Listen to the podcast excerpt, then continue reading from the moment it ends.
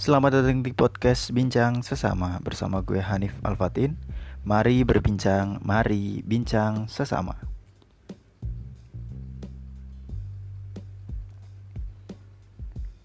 Oke, uh, ini podcast pertama kali gue. Uh, Sebenarnya bukan pertama kali, tapi ini podcast pertama kali gue sebagai host. Nah, sebelum kita bahas apa yang tertera di judul, uh, kayaknya lebih enak kalau gue itu kenalan dulu. Uh, gue Hanif Alfatin, uh, mahasiswa semester 8 gue kuliah di jurusan sosiologi dan antropologi di salah satu universitas di Semarang. Di episode pertama ini podcast gue ini berawal dari ide salah satu teman gue yang menyarankan untuk uh, mengangkat topik yang cukup uh, relevan di kalangan uh, anak muda zaman sekarang. Uh, makanya gue setuju dan gue coba bikin podcastnya.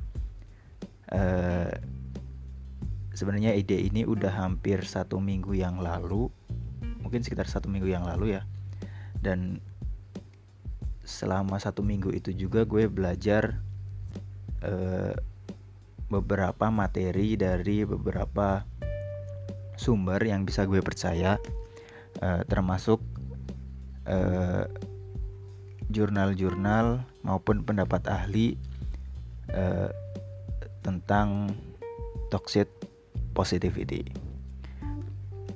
Oke, okay, mungkin udah nggak pada sabar untuk uh, mendengarkan topik yang cukup hangat ini.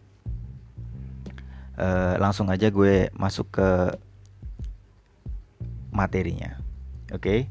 Eh, mungkin bertanya-tanya apa sih itu toxic positivity? Uh, jadi toxic positivity itu uh, reverse to the concept that keeping positive and keeping positive only is the right way to life uh, to live your life sorry. It means only focusing on positive things and rejecting anything that may trigger negative emotion. Jadi uh, toxic positive itu toxic positivity itu di mana uh, konsep uh, tetap menjadi positif dan hanya tetap menjadi positif adalah uh, cara yang benar untuk uh, menjalankan hidup di mana uh, paham ini berfokus kepada hal-hal yang hanya bersifat uh, bersifat positif dan menolak segala bentuk hal yang mampu menyebabkan uh, emosi negatif. Lalu ada penjelasan lain uh, yaitu toxic positivity itu secara sederhananya adalah istilah yang mengacu kepada tuntutan untuk tetap bahagia dan optimis di berbagai situasi kehidupan. Di mana uh, kondisi itu seharusnya manusia itu bisa meluapkan berbagai emosi negatif. Namun dalam pandangan toxic positivity ini e, manusia dituntut untuk merasa terus positif.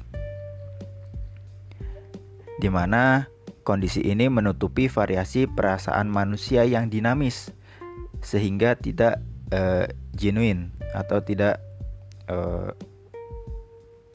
genuine itu common uh, tidak umum, perasaan umum. Jadi uh, padahal manusia itu sifatnya dinamis. Jadi wajar setiap orang itu bisa berbeda dalam menyikapi sebuah uh, kejadian. Lalu gimana sih contoh-contoh kalimat-kalimat yang bersifat toxic positivity? Uh, ini bukan bermaksud untuk menjustifikasi atau menjudge uh, dan melabeli orang yang suka ngomong kayak gini ini mereka toxic positivity tapi ini lebih ke bagaimana kita merefleksikan ucapan-ucapan yang kita lontarkan kepada orang lain agar tidak menjadikan orang tersebut merasa terjebak dalam toxic positivity. Oke, kita balik lagi gimana ucapan-ucapan uh, yang termasuk uh, termasuk dari toxic positivity. ada ucapan yang biasanya kita dengar nih, yaitu ucapan jadi orang jangan negatif, yuk lihat yang positif-positif aja. Atau ada ucapan seperti ini, yakin kok kita pasti sukses. Atau biasanya di bio-bio Instagram nih ada tulisan mereka nulis good vibes only. Atau ada lagi uh, biasanya ketika kita mengalami sebuah masalah, orang mengatakan uh, everything will be fine. Semuanya akan baik-baik saja. Atau mengatakan uh, stay positive, it could be worse. Uh, ayo tetap positif. Bisa aja itu lebih buruk loh gitu. Padahal uh, ketika kita mendengar kata-kata tersebut bisa saja kata-kata positif tersebut menjadi hal yang negatif.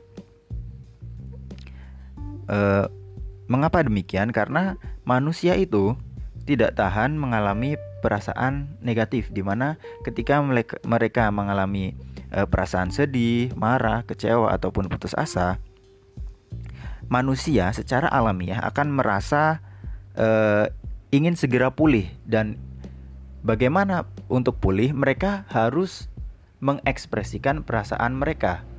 Ketika mereka merasakan senang, maka wajar mereka mengekspresikan dengan tertawa.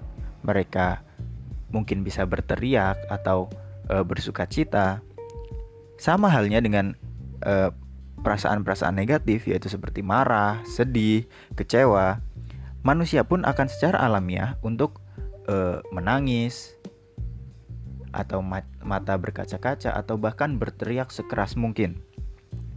Nah, apa yang terjadi pada uh, paham toxic positivity?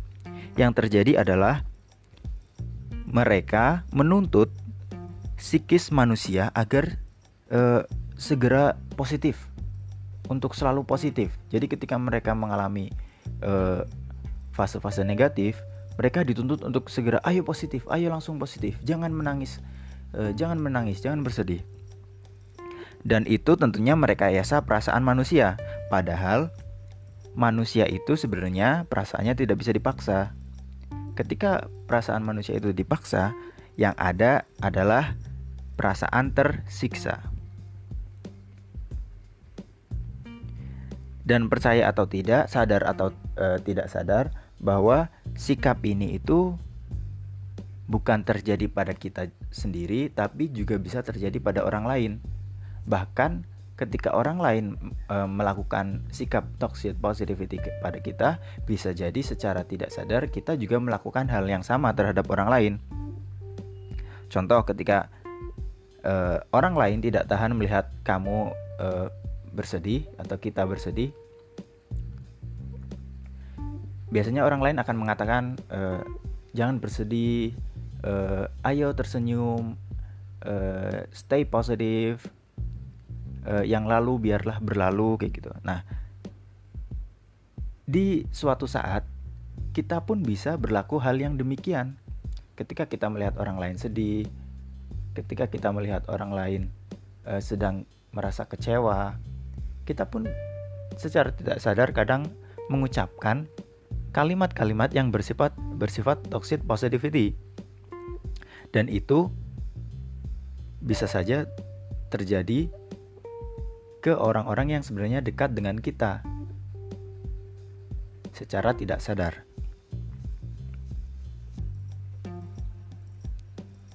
Dan biasanya ini terjadi uh, untuk mempercepat uh, kalau kata orang uh, anak muda zaman sekarang nih untuk move on ketika mengalami fase negatif, toxic positivity itu mencoba untuk memaksa orang untuk mempercepat fase move on. Untuk yang lalu biarlah cepat berlalu kayak gitu. Tanpa melewati fase-fase yang sebenarnya fase tersebut itu bisa eh, sebagai jembatan untuk orang itu bisa improve atau orang itu bisa berkembang dari hal-hal yang uh, yang sebenarnya negatif namun sebenarnya bisa membawa ke arah yang positif.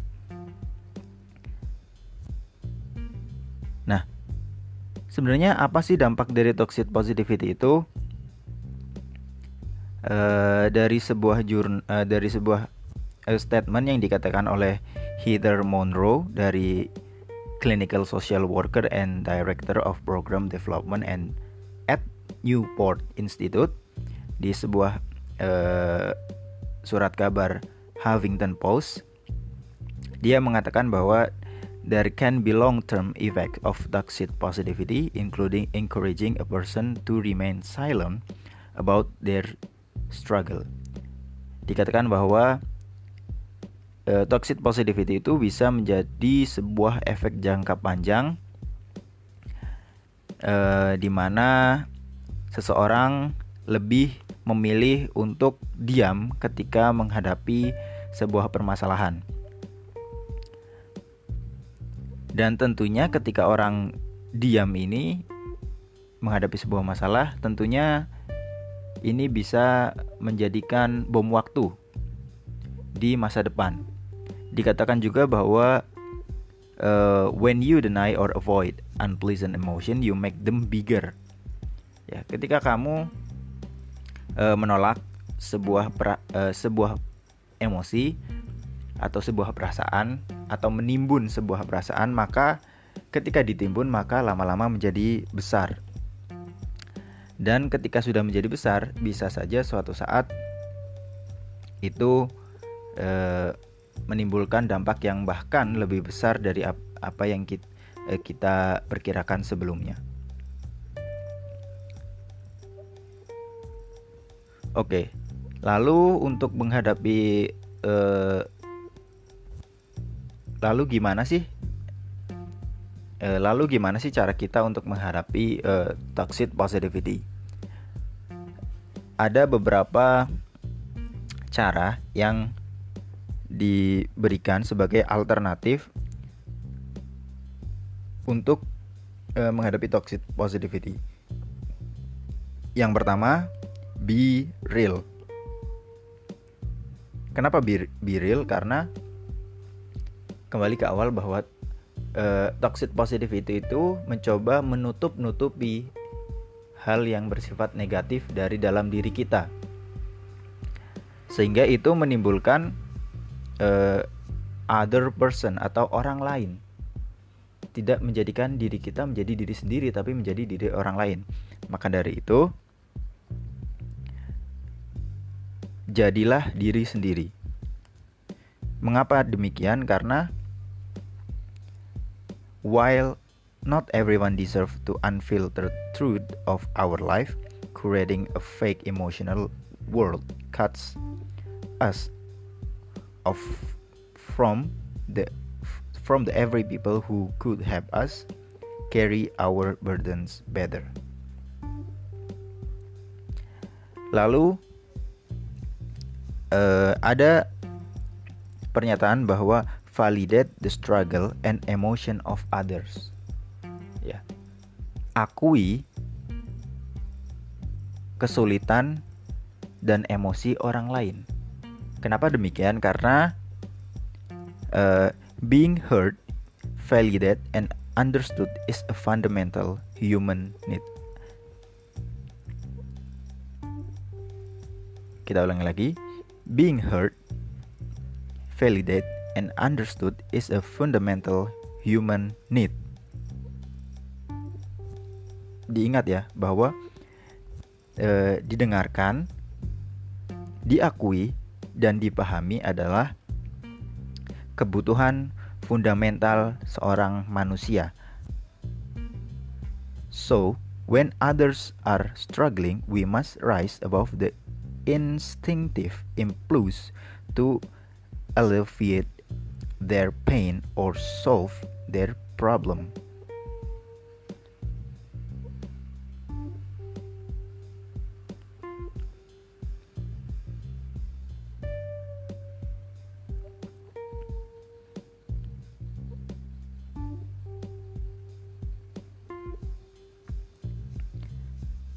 Lalu ada eh, cara lain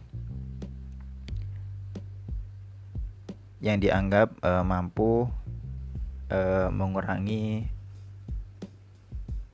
paham-paham toxic positivity. Uh, mulai dari diri sendiri bahwa setiap perasaan yang kamu alami itu memiliki arti bahwa perasaan adalah sebuah petunjuk untuk mengenali dan memahami diri. Jadi, kenali dirimu sendiri, apa yang penting bagi kamu, apa yang membuatmu resah, apa yang menguatkan atau melemahkan dirimu. Mengapa demikian? Karena di mana pemahaman itu penting bagi dirimu yang ingin melanjutkan hidup. Karena yang melanjutkan hidup itu dirimu sendiri, bukan bukan orang lain. Agar ke depannya kamu lebih bisa memilih dengan bijak berbagai keputusan penting dalam hidupmu dan itu semua gak bisa diraih kalau kita gak membiarkan negativity masuk. Mengapa? Karena di balik negativity itu ada sebuah hal positif yang mampu mengarahkan kita uh, ke depannya. Nah, untuk melawan uh, toxic positivity ini ada istilah yang namanya healthy uh, negativity. Di mana uh, sebuah sikap penerimaan yang biasa saja terhadap emosi negatif. Di mana uh, sikap-sikap uh, dalam healthy negativity ini menerima segala bentuk uh, perasaan negatif karena merasa bahwa perasaan negatif ini memiliki uh, dampak baik juga untuk uh, kita ke depannya.